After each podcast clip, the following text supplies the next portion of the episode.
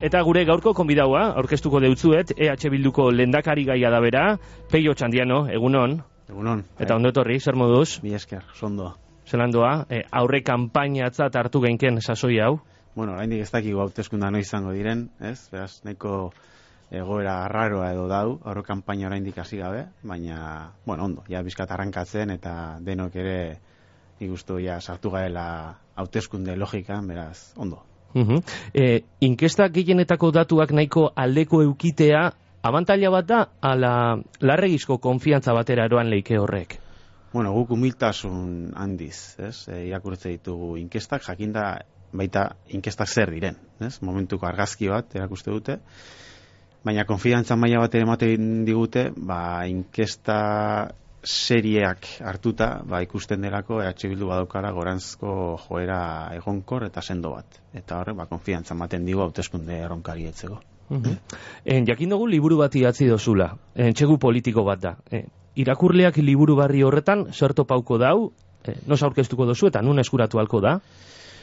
Ba bai, e, entxegu politiko bat e, idatzi dut eta ostegun hontan e, aurkezten dugu eta bertan jaso duguna da herri honen egoeraren inguruko irakurketa bat eta ziklo politiko berri honetan herri honet dozkan erronken inguruko ba, proposamen bat. Eta erronkaiei nola aurre egin, ez? Guk uste dugu, ba, hain zuzen ere ziklo politiko berri batean hasieran gaudela, herri honetan, oraindik ere ba, egonkortzea falta den ziklo politiko berri baten hasieran lehen urratsak ematen ari garela ziklo politiko berri honetan eta importantea dela momentu hontan ondo egiratzea nola dagoen herri hau, ez? Nola iristen garen momentu hontara eta eta hortik ba dauzkagun erronkei, herri erronkei aurre egiteko ba nondik eta nola egin bar dugu, ez? Uste dugu ba importantea dela programa zehatzetan sartu orduko edo hauteskundeia leia e, zuzena sartu orduko ba, pausa bat egitea. Eta aztertzea ondo, ba, zein den testu inguru historikoa, nola dagoen herri hau, testu inguru hortan, eta, eta nola aurre egin egoera horri. Eta hori da pizka jaso duana liburu hortan. Nik uste dut, ba, e, ez politikoa jasotzeko, eta e, urrengo urtetako erronkei e, aurre egiteko, ba, ez politikoa elikatzeko saiakera badela egin duguna liburu horretan oinarrituko dira EH Bilduk eukingo dauen hauteskunde programako proposamen batzuk?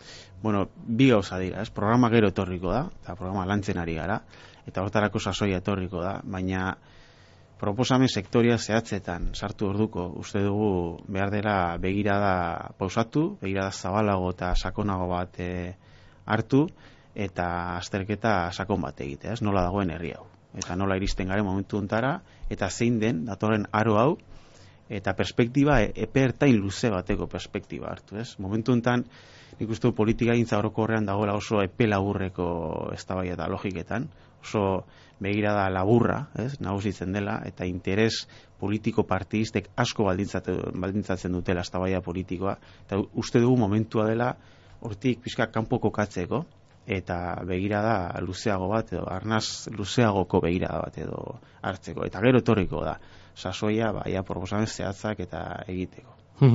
Ekonomian egoerea ez da katastrofistea, baina ezin da autokonplazentzian jauzi.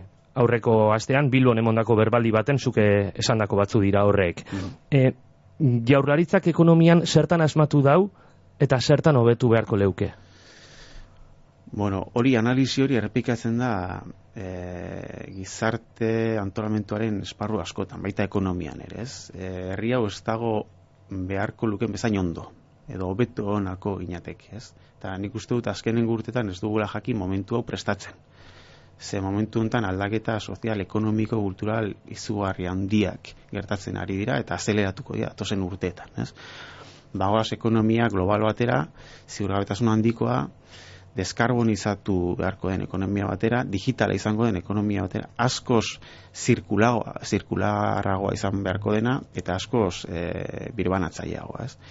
Eta aldaketa testu inguru horretan, nik ustut ez dugula jakin e, prestatzen etorkizuna. Eta inertzia kudeatu dela eta eginda politika ekonomiko bat ba, sektore publikoen esku hartze gutxikoa. Eta hori nabaritu da industriaren adibidez sektore batzuetan. Eh? Sektore teknologikoan adibidez galdu dugu egun produktibo bat e, ba hemen errotua zegoena, enpresa oso importantea, Ibermatik, Euskaltel, Gamesa, eta eta nolait esegituratu egin da sektore teknologiko hori, ez estrategikoa zen sektore teknologiko bat. Eta hori eginda gainera, ba, asumituz horrek horrela izan behar zuela, eta horrela adirazi izan da, ez? E, goran dut arantxatapiaren beraren e, hitza goratze ditut Euskaltel kasuaren arira, eh? sektore publikoa ez duela izan behar Euskaltelen jabe. Momentu enten adibidez, Espainiako gobernuak eh, eskuratu du telefonikaren eh, euneko amarra, ez? Kontrol publiko hori bermatzeko alako sektore estrategiko bat. Beraz nik uste dut, ez dela egon politika ekonomiko zuzen bat inertziak udatu dela eta eta momentu hontan behar dela ba bestelako norabidea zinkatu. Lehen sektoreak inkalarrian dagoela esaten da ekasariek eta beltzainek Nafarroan eta Araban gaur traktoren protestea deituta dago Bizkaian mobilizazioa barikoan helduko da eta Bizkaiko eskualdeetako baserritarretan nekasariek traktore hartu eta bilora etorriko dira. E, merkataritza libreko itunakas apurtu behar dela dinoe enbak eta enek e, ere txiberekoa zara?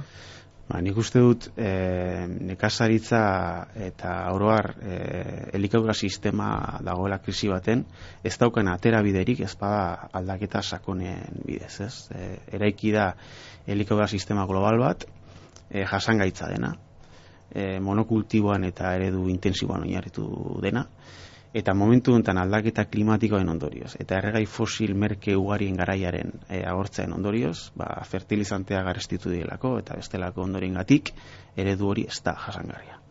Eta arriskua dago e, krisi, elikadura krisi global batena. Eta, eta ikusten ari gaena lehen sektorea badoala porrotera, ez? Ondamen dira. Segurazki datozen amar urteetan, e, baldintza hauetan ez dago relebo hori lehen sektorean Euskal Herrian eta Euskal Herria bera geldituko da lehen sektoreri gabe. Eta hori e, arazo potolo bada ez? Eta honek e, behar du e, eundalaro graduko aldaketa bat. E, sistema alimentarioaren elikadura sistema horren e, aldaketa sakoneko bat ez e, birtokiratu egin barko da, e, sistema lokaletaranzko bidea egin barko da, eta eraldaketa agroalimentario sakon bat beharko da, eredu estensibotarantz eta biodibertsitatea zenduko duten ereduetarantz, ez? Hortik baino ez dago atera biderik eta biztan da hemen merkatuak gutxi egiten duela. Ze baserritarrei ez zai ordaintzen bizitza duin bat izateko aina eta e, konsumitzaileok eroste ditugu gaur elikagaiak inoiz baino garestiago, beraz hemen biztako da merkatuak huts egin duela eta eraman duela e, sektorea galbidera, beraz oso e, arrazoizkoa da, dagoen azer, aserrea, eta horrek eskatzen du erreakzio bat, orain esmatu behar da e, soluzioa norabide egokian planteatzen. Egin daigun salto orain e, osasun arlora, e, osakidetzan dagoan errealidadearen diagnosia, egin dau EH Bilduk, e, Eusko Legebiltzarrean egindako agirrealdi diferenteetan, e, hortxe, antzemoten dozu esan gabezia konpontzeko, berbarako lehen arretan atentzio handizagoa emoteko edo itxaron zerrendako betzeko EH Bilduk zeintzuk ideia daukaz buruan?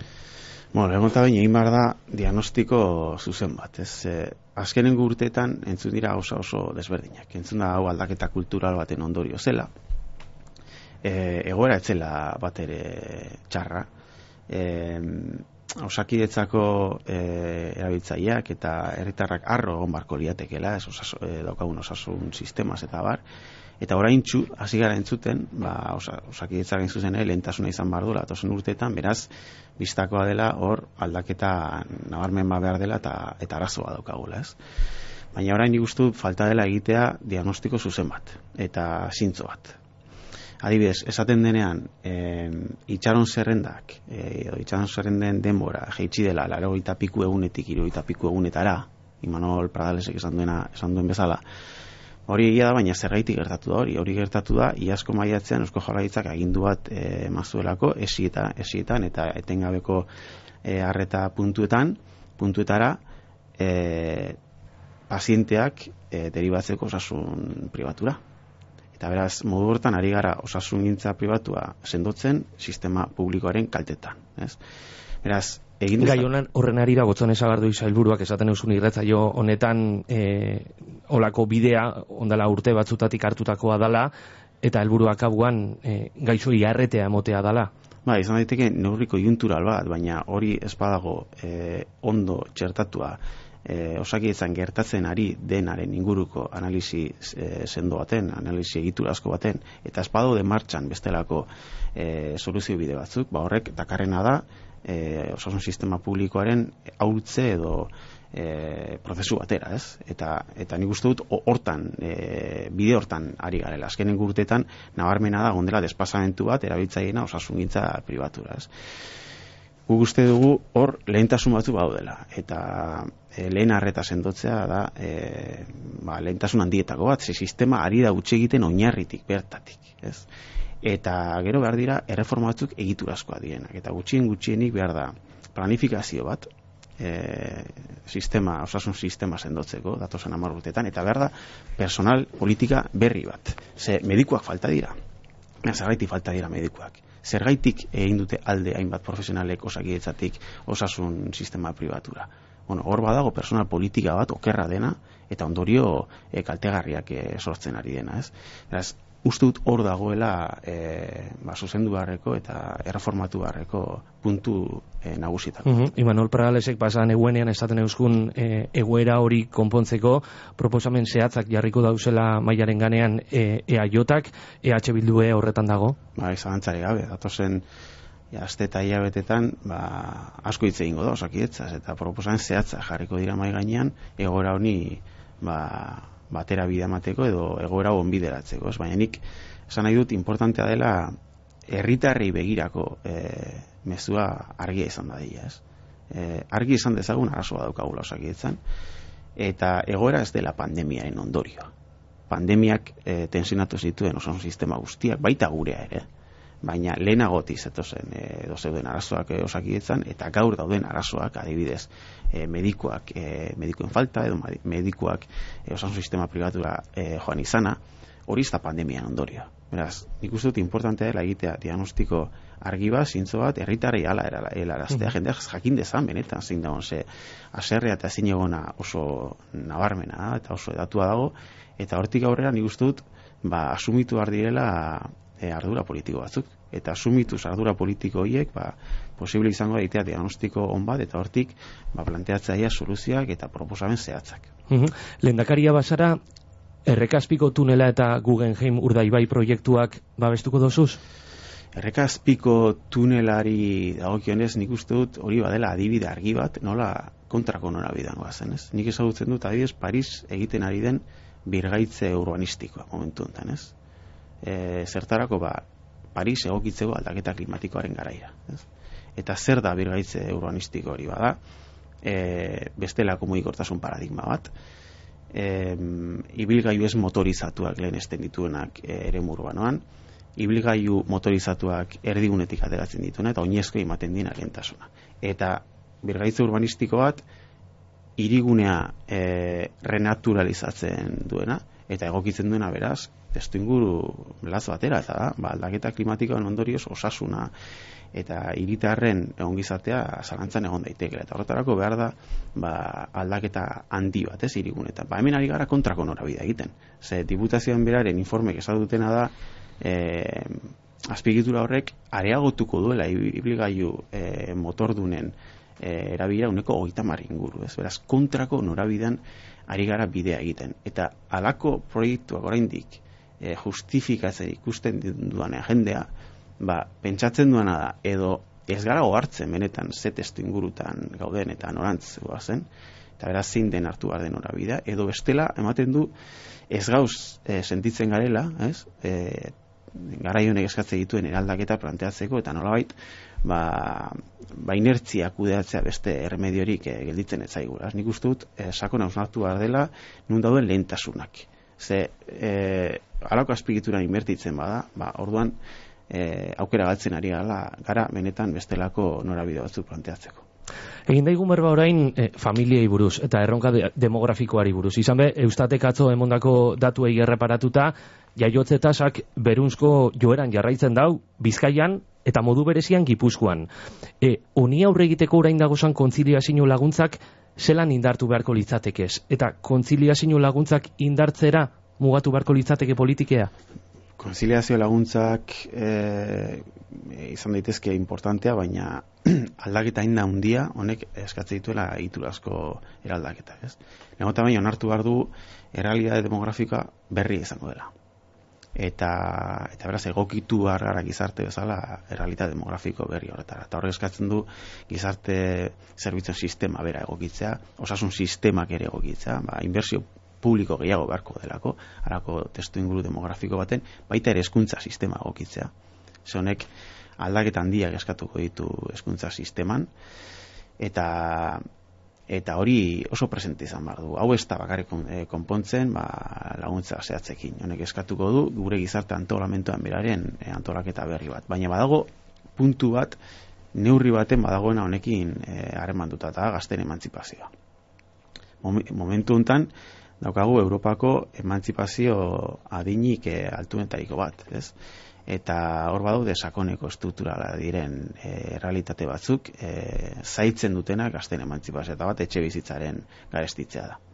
Eta beste bat lan merkatua. Eta gaztek lan merkatu horta sartzen dien aurkitza dituzten baldintzak, ez?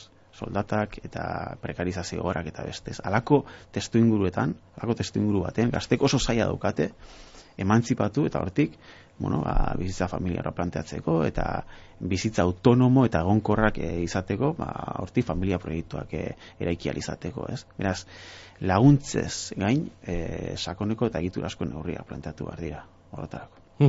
Aurreko egunean Imanol Paralesegaz hauteskunde kanpainari buruz egiten genduan berba eta eta nik esaten utzan udal eta foru hauteskundeetan ba sarata hondia gonzala.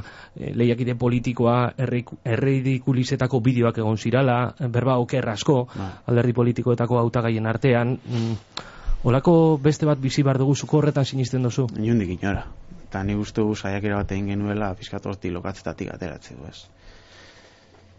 Nik e, karpen bat egin nahi dut, eta da, ez politikoa alik eta sendoena egin, alik eta jasoena, eta alik eta interesantena, herritarren interesei eta e, lehentasunei dagokien, ez, ez? Liburuaren e, idazketa bada e, saiakera bat edo karpen bat zentzu horretan, ez? Egin dezagun, ez politiko jaso bat. Eta eta leia bat egon bar da, ze hautezkunde testu ingurua balderdin artean leia lehiarako tartea da, baina leia hori izan daiteke bat adeitsua, izan daiteke errespetuzkoa, eta izan daiteke batez ere politikoki jasoa, ez? Eta gure konpromisoa hori uste saiatu garela hortan, eta hauteskunde hauetan ba, bide horretatik jarretuko du. Leia horretan, e, Bizkaiko zerrendaburu, imagarrastatzu izatea proposatu deutzo, Bizkaiko EH Bilduko mai politikoak, e, alderriko kidei, eta aldaketarik ez badau, Durangoko alkate hoia izango da Bizkaiko zerrenda burua urrengo legebiltzarreko hauteskundeetan. Segaitik ima garrastatzuren aukeraketa hori? Bueno, ima e, izan da Durangoko alkatea, eta nik uste du Durango egin den kudaketa herritarrek e, ba, onetxi dutela. Ez? E, nik uste dute demostratu duela ba, gaitasuna, urbiltasuna herritarrekiko, eta eta alkate ona izan dela, ez? Beraz, pilatu du esperientzia bat politikan, politika municipalean, eh, herritarren handik gertuenekoa den politika hortan eta uste dut orain ekarpen bat egin dezakela ba legebiltzarrean eta politika instituzionalaren beste esfera batzutan. Bestalde inma da ba 60 gutxi urteko emakume bat eta badakar esperientzia vital importante bat, ez? E, bizitzan eta begirada bat nik uste dut baita interesantea dena politikaren eta politika publikoen hainbat e, esparrotan. Lege gintzali honetan Eusko Alderri Jeltzaleagaz eta Alderri Sozialisteagaz lege batzuk eh, adostu dozu ez, akabuko hilabeteetan nahikotxo, eta, eta beste akordu mota batzuk eh, lortu dozu ez Madrilen edo eta Iruñan. Hautezkundeetan urteten dauenak urteten dauela, kolore diferenteetako jaurlaritza baterako zirrikiturik ikusten dozu, ala guztiz pentsa ezina da. Bueno, gu probosa emate egin du, ez? Uste du momentu honetan indarrean dagoen aliantza politikoa dela bastertzailea eta estiola erantzuten herri honen herri honetako pluralitate politikoari, ez? Eta hortik aliantza politika horrekin ba, gure herri gaitasuna nahiko mugatuak, ez? Ikusten direla. Uste dut hemen eh eztabaida politikoa ez dela inbeste EAJ eta EH Bilduren ereduen arteko haizik herri eredu baten inguruan egin bar dugula eztabaida politika. Hor oinarritu bar dugula edo zentratu bar dugula eztabaida politika, ez? zein den datozen urteetan ziklo politiko honetan e, elkarrekin sortu nahi dugun herri eredua. Egin dezagun ez hori. Eta horrek eskatzen du leiaz gain, ze leia ongo da, alderdi politiko bakoitzak horrezkatzen du, ba, e, bueno, ba, ideologikoki esparru bat, leiaz gain kooperazioa bar dela. Eta paso eman behar diegula politika bati non kooperazioa existituko denez. Behar dugu kooperazio eremu bat, eta hor zentratu ez da politikoa herri ereduaren inguruan. Nik uste dut, hori dela e, euskal politikak hiru herrialde honetan eskatzen duen e, berrikuntza eta eta hortik gero atera daitezke era askotako konfigurazioa gobernu konfigurazioak, ez? Ikusi barko litzateke, ba gobernabilitatea nola antolatu daiteken. Gure ustez kooperazio eh, espazio horri bide emango bagenioke, ba zentzuzkoa litzateke eh, gobernua lideratzeko ardura lehen indar politikoaren izatea, ez? eta gero hortik ba era askotako aukerak egon daitezke e, gobernuan egon oposizioan egon kolaborazio edo kooperazio mhm. espazio hori posible izan dadin baina Eusko Jeltzalea eta EH Bildu esete dabiltza azken aldion e, elkarren gandiki esi edo batzen dausen horretatik apurtxu bat alkarren gandik banatzen eta urtero urtero e, aberri eguna modu diferente baten ospatzea izan leiteke horren adibide bai bai baina guk oso argi daukagu, eh? herri honek e, bere garapenerako eskatzen duela EAJ eta EH Bilduen arteko adostasun funtseskoak egitzea. Hainbat esparrutan, eskuntzari dagokionez, Euskararen garapenari dagokionez, estatus politikoari dagokionez, zabaldu da e, estatu mailan e, aukera bat, momentu bat, non ematen duen estatu horren izaera plurinazionalaren inguruko eztabaida demokratiko bat e, gerta daitekela ikusiko dugu. Egoera ez da bat ere egonkorra baina baliteke eta eztabaida hori ekin behar zaio herri gisa herri terminoetan eta horretarako ados jarri barra lehenko eta bain hemen eta interlokuzio bakarrarekin joan Madri ez? Hori da gure e, autua eta guk erabaz sinisten dugu hortan. Eta beraz eredu desberdinak izan ditzakegu hainbat esparrutan baina kooperatzera behartuak gaude eta gure disposizioa erabatekoa da zentzortan. Ba, sortzirak eta berro eta maus minutu, e, peiotxo handieno, EH Bilduko lendakari gaia. Eskerrik asko, martitzen honetan geurera etortearen eta urrengo batera arte ondo izan. Mi esker zuei.